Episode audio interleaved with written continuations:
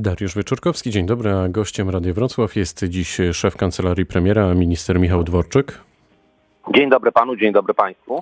O co gra, panie ministrze, e, premier Jarosław Gowin, jak tak pan obserwuje chociażby ostatnie wystąpienia i zachowanie byłego kolegi z rządu? No, byłego kolegi z rządu to prawda, ale cały czas um, członka porozumienia e, czy szefa porozumienia, a przypomnę, że porozumienie jest e, w gronie partii tworzących Zjednoczoną Prawicę, w związku z tym jesteśmy cały czas koalicjantami. Tak to bywa nawet w rodzinie, że czasami mamy różnice zdań. E, ważne jest, żeby potrafić rozmawiać, ważne jest, żeby wypracowywać jakieś porozumienie w ramach tego dialogu. Jestem przekonany, że patrząc wstecz na te 4,5 roku, które minęły, wszyscy oceniamy, myślę tutaj zarówno o politykach porozumienia, Jarosławie Gowinie, ale również e, o politykach PiSu, że wszyscy oceniamy, że ta współpraca przyniosła wiele dobrych projektów dla Polski, dla Polaków i że warto to kontynuować. Więc jestem ostrożnym optymistą, e, patrząc w przyszłość, jeśli chodzi o naszą współpracę i porozumienie czyli jest pan ostrożnym optymistą. E, to ciekawie brzmi, a e, czy panu się podobają ewentualne spotkania pana Gowina z przedstawicielami opozycji? Bo on wczoraj e, powiedział w Polsat News, że te rozmowy prowadzi w imieniu Zjednoczonej Prawicy. Tego nie wiem, bo ja nie jestem w kierownictwie Prawa i Sprawiedliwości, więc tego nie wiem, czy pan premier Gowin ma mandat całego obozu Zjednoczonej Prawicy. Na pewno reprezentuje porozumienie i uważam, że rozmowy co do zasady są dobre i przecież e, wyłącznie w drodze dialogu można wypracować jakieś e, rozwiązania kompromisowe, a takie kompromisowe rozwiązania dzisiaj Polsce są potrzebne. Myślę tutaj o opozycję, która tak naprawdę trochę mm, e, zagnała się w ślepy zaułek, dlatego że z jednej strony kontestuje potrzebę przeprowadzenia wyborów terminie e, konstytucyjnym. Z drugiej strony proponuje rozwiązania, które nie mają nic wspólnego e, z obowiązującą e, konstytucją, więc być może w ramach tego dialogu opozycja w jakiś sposób zdobędzie się na refleksję i będziemy wspólnie mogli przeprowadzić wybory w terminie konstytucyjnym, czyli w maju. W tej chwili wszyscy powinniśmy e, być zjednoczeni, skupiać się na walce z epidemią e, oraz e, zwalczaniu problemów gospodarczych, których będzie z każdym tygodniem coraz więcej. To kończąc wątek pana Gowina, czy bierze pan na przykład pod uwagę taki scenariusz, w którym na początku właśnie Jarosław Gowin na początku maja z kilkoma posłami porozumienia blokuje w Sejmie ustawę z opozycją i tych wyborów nie będzie? Ma pan zaufanie do pana Gowina? Ja nie chcę spekulować, e, jak e, będzie e, zachowywał się ten czy inny polityk porozumienia. Ja wierzę w to, że w poczuciu odpowiedzialności za Polskę i te najbliższe miesiące i lata, które będą bardzo dużym wyzwaniem, tak jak dla całej Europy i świata, tak również dla Polski. Będą trudne? No na pewno będą trudne. Wie pan, to co nas ciąga, to wygląda jak tsunami gospodarcze. E, wystarczy spojrzeć na prognozy i wypowiedzi przedstawicieli e, między, e, Międzynarodowego Funduszu Walutowego, więc ten czas będzie bardzo trudny. Ten czas wymaga właśnie solidarności i porozumienia, jeśli chodzi o większość parlamentarną. Zjednoczona Prawica dała wielokrotnie dowód tego, że potrafi dobrze zarządzać sprawami państwowymi i, i, i bardzo dobrze by było, gdyby nadal ta współpraca E, trwała, gdyby, gdyby nadal można było w dotychczasowym e, układzie koalicyjnym funkcjonować.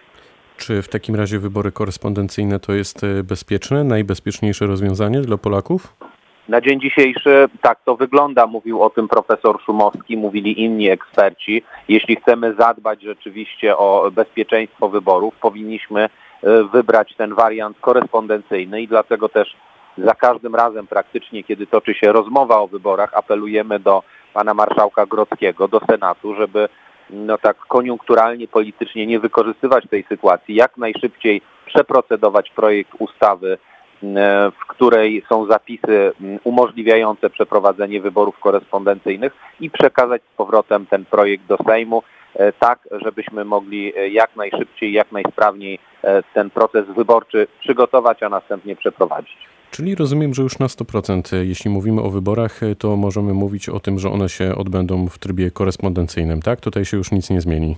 Na razie musimy dokończyć proces legislacyjny, natomiast my jesteśmy zdeterminowani, żeby właśnie w takiej formie e, te wybory e, przeprowadzić. Natomiast, tak jak już wspomniałem, jesteśmy w trakcie procesu legislacyjnego, e, stąd postulaty do Senatu, żeby nie przetrzymywał tej ustawy no, w taki sposób niezasadny, można powiedzieć, prawda, w tak zwanej zamrażarce, tylko żeby jak najszybciej przepracować tę ustawę i zwrócić projekt do Sejmu, jeśli będą poprawki. A jaką rolę ma i będzie mieć PKW w kontekście wyborów? W tej ustawie, e, która jest procedowana w tej chwili, e, zadania PKW nieco się e, zmieniły, natomiast nadal Państwowa Komisja Wyborcza odgrywa zasadniczą rolę w całym procesie, podobnie jak Krajowe Biuro Wyborcze. No i tak jak powiedziałem, mam nadzieję, że te przepisy, które pozwolą na przeprowadzenie głosowania korespondencyjnego zostaną jak najszybciej uchwalone i wspólnie wszyscy w ramach odpowiedzialności zakreślonej właśnie e, w tej ustawie, która e, określa tryb przeprowadzenia wyborów, że wspólnie ten cały proces wyborczy przeprowadzimy. Wczoraj na stronach e, rządowych pojawiła się informacja o tym, że Polacy za oceanem mają głosować e, idąc jednak do lokali wyborczych. E, tak się zastanawiam, jak to w takim razie w praktyce miałoby wyglądać w Stanach Zjednoczonych, kiedy też tam obowiązuje całkowity zakaz przemieszczania się. Oczywiście możemy założyć, że jeszcze przez te najbliższe dni, tygodnie coś się zmieni, ale raczej na to szansa jest mała.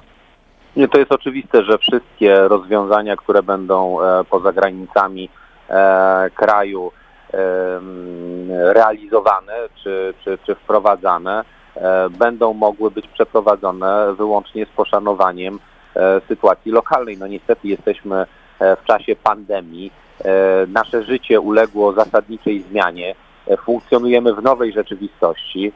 No i trzeba z tym się pogodzić. Oczywiście ja mogę powiedzieć, że chciałbym, aby wybory odbyły się w tym normalnym trybie w oparciu o niezmieniony kodeks wyborczy, e, ale mamy pandemię z jednej strony, z drugiej strony mamy zobowiązania konstytucyjne. W związku z tym jako odpowiedzialny rząd i odpowiedzialna większość parlamentarna musimy zaproponować rozwiązania, które z jednej strony dbając o bezpieczeństwo Polaków, z drugiej strony pozwolą zrealizować zobowiązania konstytucyjne, które są nałożone na e, rząd i parlament. Czy jako rząd y, macie już jakieś wstępne informacje, kiedy sytuacja w Polsce może wrócić do normalności? Jaka to będzie normalność? Czy ten szczyt zachorowań jest przed nami, czy za nami? To są wszystko e, estymacje i prognozy, do których należy podchodzić bardzo ostrożnie.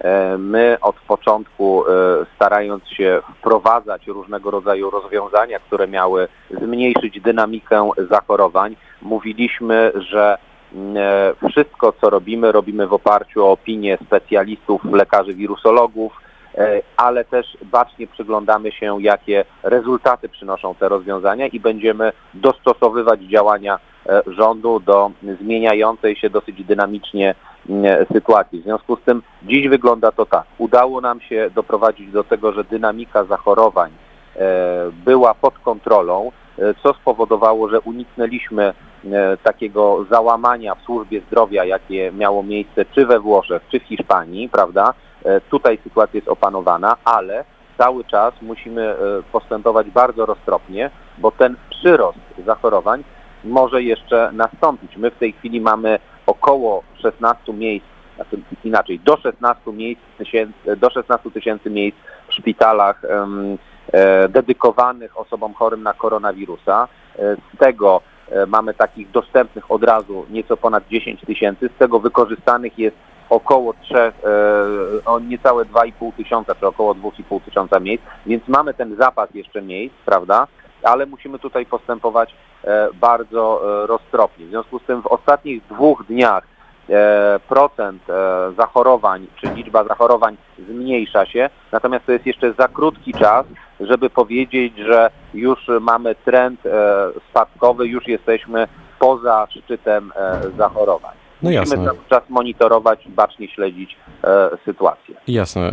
Kiedy możemy się w takim razie spodziewać uwalniania kolejnych dziedzin życia? Kiedy na przykład pójdziemy do fryzjera i tutaj pytam o to przede wszystkim w imieniu no może nie męskiej części Radio Wrocław, bo chyba wszyscy chcieliby już odświeżyć się. To prawda, to jest pytanie, które często się pojawia i wszyscy, e, wszyscy chcielibyśmy móc korzystać normalnie e, z usług, e, które właśnie na co dzień są bardzo popularne, ale my przedstawiliśmy, premier Morawiecki przedstawił w ostatnich dniach te kilka etapów odmrażania gospodarki czy e, zmiany w regulacjach, które zostały wprowadzone wcześniej w czasie walki z koronawirusem, e, ale my uzależniamy wprowadzenie tych kolejnych etapów e, od rozwoju sytuacji. Mamy w tej chwili ten pierwszy etap. Ten pierwszy etap będzie trwał między e, tygodniem, a e, między jednym tygodniem a dwoma tygodniami, prawda? Po tym jak przeprowadzimy ewaluację, jak zobaczymy jaki to miało wpływ na liczbę i dynamikę zachorowań, będziemy podejmować m, decyzje o wprowadzaniu e, kolejnych e, etapów e, zdejmujących te obostrzenia. Natomiast podkreślam jeszcze raz, cały czas musimy monitorować sytuację i dostosowywać decyzje do tego, jak się rozwija epidemia w Polsce. A jak pan sądzi, czy uczniowie jeszcze w tym roku szkolnym będą mogli dokończyć e, naukę w szkołach właśnie w tradycyjny sposób, czy to już raczej jest e, niemożliwe? W tej chwili mamy e, zawieszone instytucje oświatowe do 26 kwietnia. Najprawdopodobniej jutro podamy kolejny komunikat w tej sprawie, jak to będzie wyglądało w kolejnych tygodniach i miesiącach.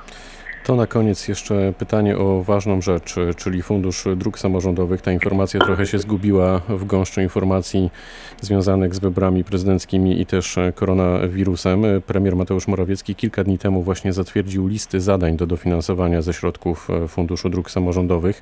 O jakich kwotach my możemy mówić w kontekście Dolnego Śląska i ile kilometrów w regionie za to wszystko możemy wyremontować?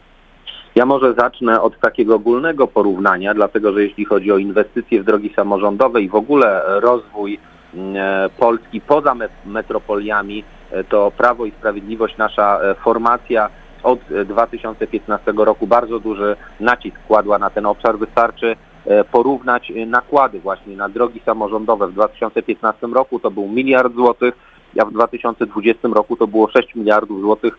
W tym roku to będzie około 3 miliardów e, e, złotych. W ostatnim, e, w ostatnim rozdaniu, tak to nazwijmy kolokwialnie, czy zgodnie z ostatnimi decyzjami na Dolny Śląsk trafi 131 milionów złotych. Ja się bardzo cieszę, dlatego że na południe Dolnego Śląska, czyli do, na teren byłego województwa wałbrzyskiego trafi 59 milionów złotych z tej kwoty, a południe Dolnego Śląska zawsze było do tej pory tak trochę po macoszemu traktowane, łącznie z decyzjami wcześniejszymi, które w tym roku e, zapadły, to tak naprawdę na południe Dolnego Śląska trafi ponad 70 milionów złotych, więc to będzie na pewno bardzo duże wsparcie dla samorządów, e, przede wszystkim poprawa jakości życia mieszkańców, ale i dobra inwestycja w rozwój e, turystyki e, i rozwój e, naszej całej dolnośląskiej infrastruktury. Czyli trochę tych kilometrów e, dróg e, powinno się e, tutaj wyremontować e, u nas w regionie. Czy to jest tak, że samorządy same będą musiały występować po te pieniądze, czy one po prostu trafiają jakimś e, kluczem?